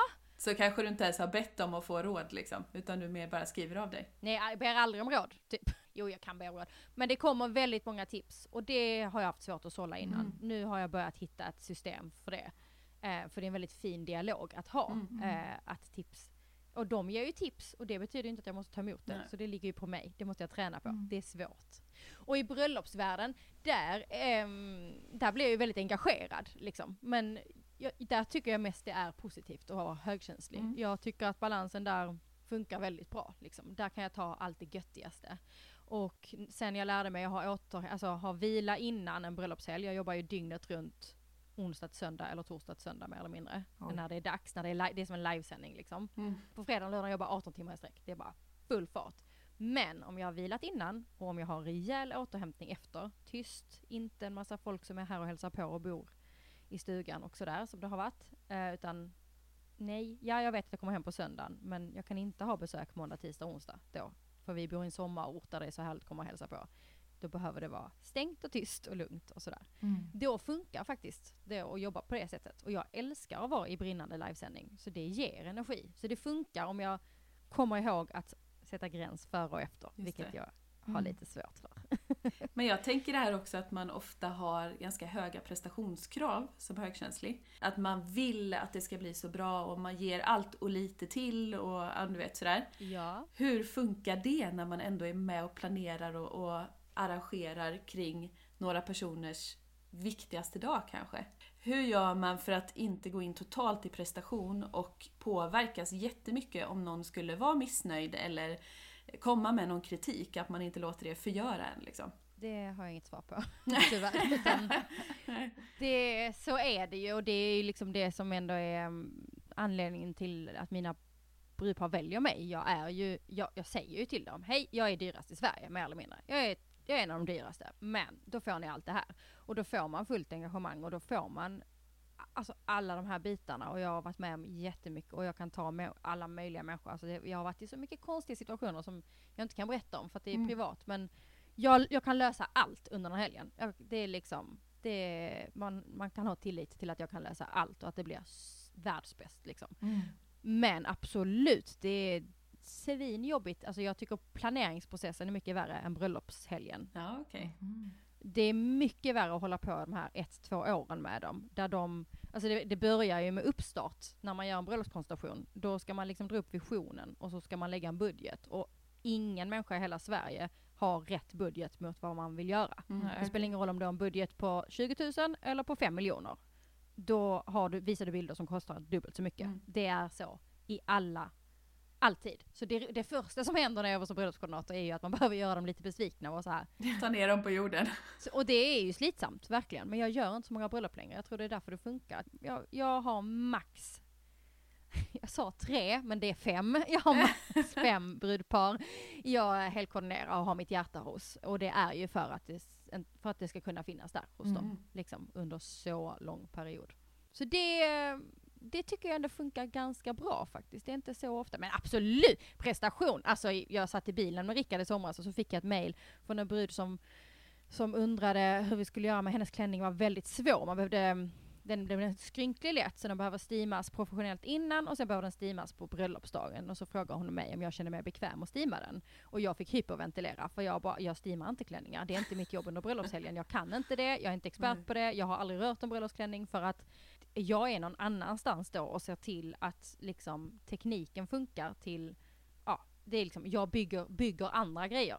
Men det vet, det vet inte hon. Hon är amerikanska eh, och i USA funkar det på ett annat sätt och hon, alltså hon tänkte väl bara att det ingår väl i dig och ditt lilla team att ni streamar eh, klänningen. Men jag, alltså jag fick panik ju. Mm. Hon tänkte att jag, nu ska jag säga att jag inte är ansvarig för det här, att det inte ingår i min arbetsuppgift och hur kommer hon tänka? Och dessutom har vi ingen professionell steamingtjänst i Sverige som kan åka ut och steama. Hur ska jag lösa det? Googlade sönder, det finns inte, okej. Okay. Började kontakta olika människor som jag ville pitcha en affärsidé om att de skulle börja åka ut på bröllopslocations och steama klänningar mot en liten kostnad. Och liksom kände mig misslyckad för att, för det här mejlet. Och då sa min man bara, men hur hur kan, hur kan du liksom sitta och må så här dåligt över det mejlet? Hur kan du må så dåligt? Mm. Bara, det är helt orimligt men jag gör det liksom. Mm. Det, så det, jag har en bit kvar att träna på. Helt klart. Det kan vi nog konstatera. Men det har man hela tiden tänkte jag säga. Alltså det är alltid grejer som man får träna på. Ja, Verkligen. Och sen, alltså det, det finns ju en anledning till att vi kallas för starksköra. mm, verkligen. Det är för att man pendlar däremellan hela tiden. Och sen så kan man lättare komma upp från den här, eh, de sköra dagarna om man har lärt sig lite verktyg. Mm, Men vi kan inte liksom, vi kan inte förvandla oss. Nej. Bara för att vi har lärt oss massa saker. Så tar inte det bort skörheten. nej. Utan eh, vi är en blandning av starka och sköra. Hela Mm. tiden. Mm. Och det är okej. Det där kommer ju. Den, där, den känslan kommer ju liksom. Mm. Eh, när det där mejlet kommer. Vad det nu är för någonting som kan, kan komma i. Konstiga grejer som kan komma i mejlet. Har du stött på många så här bridezillas där du verkligen har fått så här, Nej men jag är nog rätt förskonad faktiskt. ja, Eh, det har funnits några stycken så. Men de har aldrig agerat på mig. nej okej. Det är det, att jag, de blir arga på alla andra. Jag är ju deras eh, räddande ängel Ah, gött! Som löser. Ja. Den där jävla leverantören som bla bla bla bla bla bla bla. Och så kom, kom till mig, jag löser. Ja, Det var fy på den andra, jag. Så att eh, det är väldigt sällan de har varit jätte eh, arga på mig. Det har faktiskt bara hänt eh, en gång och det var förra året i pandemikaoset. Ja. Och eh, det var liksom inte mitt fel. Så. Så, men det var ju några riktigt tuffa veckor förra året när vi höll på med det. Med, med avtalstvister utefter olika saker och sådär. Det, det tog ju verkligen personligt på mig. Liksom. Mm. Men jag har inte gjort något fel. Liksom. Nej. Och ingenting, de, de gifte sig inte då utan det var ju för att vi skulle skjuta på bröllopet och allt det här. Mm, just det, okej. Hur har du påverkats Mm. annars av det här med pandemin? Tänker jag att många bröllop kanske sköts upp eller ställdes in eller alltså så. Har du, för du sa ju det att du har varit fullbokad alltså för bröllop nu i flera år framöver. Hur har det här påverkat dig och i ditt företag? Förra året ställdes in liksom, alla eh, bröllop eh, ställdes in eller flyttades på. Ehm, så att det blev ju en hel omsättning som nollades ehm, för ett helt år på den punkten. Ehm, men jag fick ju vara ledig för första gången Mm. eh, en hel månad Mm. i juli. Första gången på 10-11 år. Så att, ehm, och det var ju då som hela den här traumaterapiresan började. Mm. För att det fanns utrymme. Just det. Så på ett personligt plan, skittufft för bolaget ekonomi, alltså ekonomiskt. Men eh, jag har sparat i 10 år så att jag kunde ta den smällen. Mm. Och per, personligt så um, räddade det kanske mig Mm. för att eh, tvingas in i ett inställt år och paus och då lyssna inåt. Halli hallå, här är någon liten tjej som behöver tas hand om. Både den lilla och den stora behöver nu eh, tas hand om och, och läkas och eh, Mm. allt det här. Mm. Så för mig personligen så blev det ju en bra paus och liksom en semester. Herregud, jag var ledig hela juli. Det var ju helt otroligt att liksom Mm. inte jobba alls. Vilken grej att, att, ha, att ha riktig semester. Mm. Skönt att ändå kunna se det så också, att det faktiskt kom något bra ur det. Oh. För din egen del också. Verkligen. Nu är jag livrädd inför året för att nu står vi och svajar inför det här året. Men, men, eh, och det, men jag är mer livrädd för hur vi ska lösa de här stackars brudparen. Hur, liksom, när fasiken ska de gifta sig och hur och så eftersom jag redan är fullbokad nästa året. Mm. Jag är inte så rädd för om det skulle bli så att jag inte gör bröllop i sommar heller. För att då är jag ledig istället. Så på, på ett personligt plan så kan jag vila i det. Mm. Men däremot så får jag ju inte in fler bröllop nästa år. Så att, och de har ju flyttat på det så många gånger nu. Så det är mer det liksom. Jag känner för dem och sen så känner jag för meckat av att det är jättemycket mer jobb och sådär. Mm. Om bolaget tar en smäll. Men det löser sig liksom. Alltså, det var så stort att få vara ledig. Så att eh, på ett personligt plan så eh, skulle det vara fine Mm. faktiskt. Jag förstår det. Om man nu får säga så. Det vi inte har frågat dig om är ju egentligen eh, när du upptäckte att du var högkänslig. Alltså när, när var det och eh, vad tänkte du kring det? Vad kände du då när du förstod att så här, aha, det finns något som kallas för högkänslighet? Alltså det är ju ett ganska långt pussel att lägga på något sätt. Mm. När upptäckte jag det? Jag vet när jag, innan jag startade mitt eget bolag, när jag jobbade på det här andra bolaget som jag var säljkoordinator på. Jag vet att jag mådde skitdåligt eh, då. Jag var sönderstressad. Jag var i prestationsprinsessa-spåret och skulle vara inne först på kontoret och gå sist och gärna om man kunde få beröm för det tack och sådär. Och då, um, då hittade jag eh, Duktig flicka böcker och Good enough böcker. Så där började ju de första aha-upplevelserna kring att så här, liksom, vem är jag, vad håller jag på med, hur vill jag vara, hur vill jag förändra mig. Uh, och det tog ju några år och det är som sagt nu så ser man ju att hela det där var ju ett skydd av det här ju. Uh, och det är nog ganska många som hamnar där först, att man är duktig flicka eller försöker lära sig good enough liksom. Så där började och sen så tror jag, jag har ju två kroniska sjukdomar så att det var ett virrvarr av uh, akuten och sjukhusbesök och olika mediciner och allt möjligt samtidigt som jag hade startat mitt bolag och så småningom vi gifte oss och vi försökte få barn och vi var ofrivilligt barnlösa. Allt det där är liksom i ett nu i efterhand intensivt kaos. Så någon gång då började, dök det nog upp. Jag kan inte säga att det var en aha-upplevelse för troligtvis så satt jag väl någon IVF-spruta emellanåt samtidigt. så att det är liksom inte, det här fick inte så mycket uppmärksamhet utan det får jag nog säga att det är liksom kanske fyra år sedan bara eller något sånt där. Alltså jag tror att det var efter att jag fick mitt första barn och ehm, Ja men det kanske var när jag flyttade ner hit till Skåne då. Det blev lite lugnt omkring mig. Det var så här, ja men jag ska inte bo i Stockholm. Alltså det är så högljutt och intensivt där. Här, där jag kan gå till naturen och andas och ingen människa, liksom, jag springer inte på någon människa här ute på gatan för att jag bor inte i ett lägenhetshus utan jag bor så det, det var kanske när vi har flyttat till Skåne som det började. Jag vet inte, vi får kolla i bloggarkivet. Där finns ju hur mycket som helst att hämta där. Vad skulle du vilja skicka med till den som precis är i början av sin högkänslighetsresa och har förstått att aha, det är högkänslig jag är.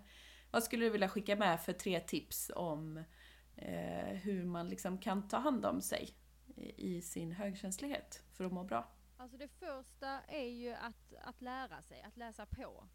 Att lyssna på er. Om vi nu är i början, då säger jag skit i allt det där de säger med värderingsfritt och sånt. För det känns för svårt i början. Har man varit duktig flicka och perfektionist och man upptäcker det här och man, det, kanske, det kanske inte är något fel på mig, tänker man i början. Jag, kan, Mm. jag kanske kan få vara som jag är. För jag är, jag är ju lite annorlunda och det finns en anledning till det.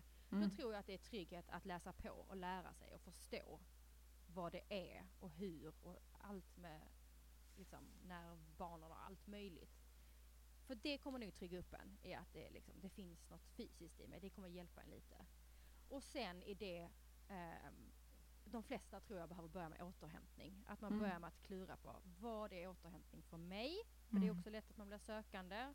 Jaha, nu ska jag meditera, nu ska jag yoga, nu ska jag stå på huvudet och gå ut och krama ett träd. Liksom. Ja, det passar inte mig. Jag känner mig helt fel i allt det här också. Bara skita i det och bara försöka tänka på när känner jag att jag vilar? När känns det vilosamt för mig? Liksom Mm. i Mm. min kropp och själ. För mig till exempel, jag fick ju hårda bud förra året när jag var i den här utmattade känslan så var det att, att, att titta på en serie. Ehm, så här, jag valde några serier som var vilosamt. Jag kände att när jag ligger ner och tittar på det här och inte scrollar på mobilen samtidigt eller försöker jobba samtidigt utan bara tittar på Grey's Anatomy typ så är det vilosamt. Och det funkar också. Det Mm. tror man ju inte när man börjar söka. Då tror man att man måste meditera stup i kvarten. Sen är det klart att en skärm och blåljus och bla bla bla, det är väl jättebra. Man kan andas djupt och, och meditera. Men det är för stort i början. Sådär. Utan det är Mm. också helt okej att man ligger och kollar på en serie. Eller bläddrar i en modetidning. Verkligen. Utan bara hitta, vad är vilosamt Mm. för mig? Börja där. Och hur kan jag få in det i mitt liv? Mm. När, alltså bara titta på sin kalender. Planera in återhämtning. Mm. Det tror jag är ett jättebra första steg. Mm. Ehm, verkligen. Och sen det här som, som ni sa så fint nu att, att, eh, att hitta tid att låta, låta tankarna vandra fritt. För att man känner det där att det snurrar, det är så speedat i hjärnan ganska ofta. Det är så otroligt mycket tankar. Mm. Så att bara, bara låta det vara så, att det är okej. Men att hitta tillfällen så att de får snurra klart. Mm. Vad nu det är. För vissa är det att springa. Det var ju en dröm om det var det man tyckte var härligt. Ja, eller hur? Eller hur? jag vill ligga ner och vila. heller. Men Mm. för vissa så är det att springa och då Mm. är det väl toppen om man kan tömma hjärnan på det liksom. Mm. Absolut. Hitta sitt space. Det tror jag. Börja där. Sen kan man lära sig resten. Tusen tack för att du var med i våran podd. Det var jättespännande att prata med dig. Tack snälla för att jag fick komma och lära mig allt. Alltså jag har lärt mig så mycket. Ja, men vad kul att höra. Det var jättekul att få höra mer om dig och din resa också. Detsamma, var rädd om er. Ja, du med. Ha det gott. Hej hej! Hej. Tack Johanna för att du ville vara med och gästa våran podd. Vi vet ju att du verkligen har fullt upp. Mm. Det var jättespännande och kul att få ha med dig här. Mm, jag hoppas att ni lyssnare tyckte om podden. Mm. Tyckte om det här avsnittet.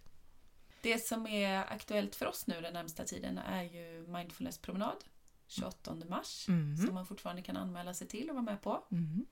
Vi kommer gå vid eh, den så kallade Trollskogen. Får vi se om det är grönt den här gången eller om det är snö som sist. Mm. Utanför Halmstad kanske Mm. vi ska förtydliga och säga att det är också. Precis. Det är här vi bor och här vi utgår ifrån när vi har våra mindfulness-promenader i Just nuläget. Mm. Mm. Så då blir det mycket fokus på ja, men bara vara här och nu. Ehm, acceptans för det som är, nyfikenhet och se vad man upptäcker, vad man känner. Icke-värderande. Mm. Finns inget rätt eller fel utan bara som sagt att uppleva det som pågår Mm. i ens kropp, i det man är i just nu. Precis. Det brukar vara en, en härlig stund faktiskt. Det är två Mm. timmar vi brukar ses då. Som vi också blandar med lite avslappningsövningar och sånt ju. Mm. Precis. Så då om man vill vara med på det så kan man mejla till mig, Josefin, att tankaromhogkänslighet.se Mm. eh, och så är det bara som sagt att hänga på. Så hoppas vi att Absolut. vi blir ett gott gäng. Ja men precis. Och sen har vi ju några retreat här framåt våren också. Mm. Det är ju som helgkurser kan man säga i stresshantering för högkänsliga. Och där har vi ju både steg ett och sen steg två. Där steg ett handlar om stresshantering, högkänslighet och mindfulness. Och känslohantering. Och känslohantering inte minst. Precis. Och i steg två så går vi vidare och pratar lite mer om mental träning. Tankens kraft. Titta framåt, sätta mål. Mm. Och lite fördjupning kring mindfulness också. Ja, och stresshantering Mm. överlag ju. Mm.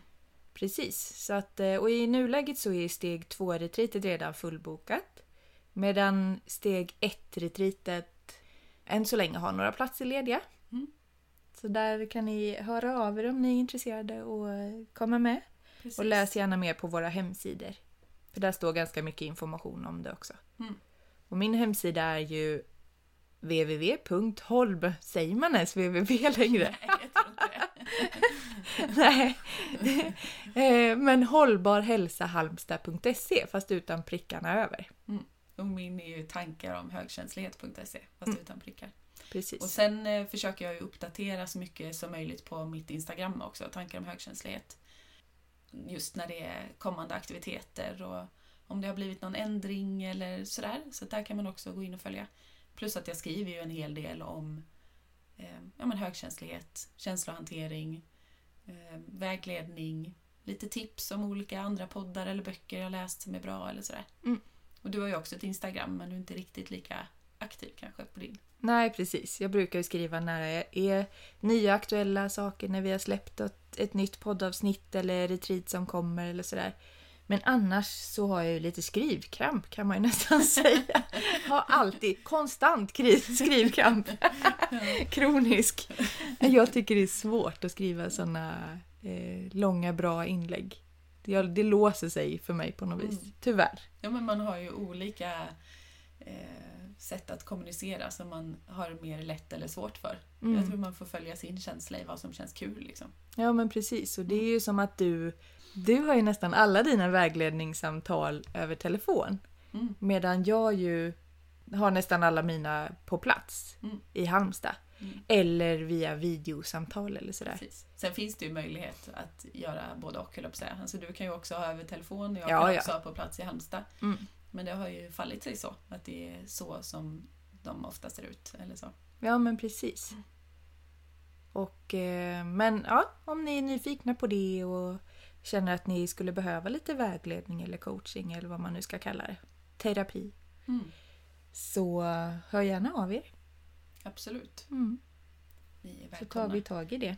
Vi, om man vill boka samtal med dig så gör man ju det lättast genom Boka Direkt egentligen. Mm, Och söker ju upp eh, hållbar hälsa, stresshantering där. Mm. Och vill man boka samtal med mig så bokar man lättast genom att skicka ett mail till mig. Som sagt, Josefina, tankaromhögkänslighet.se. Precis.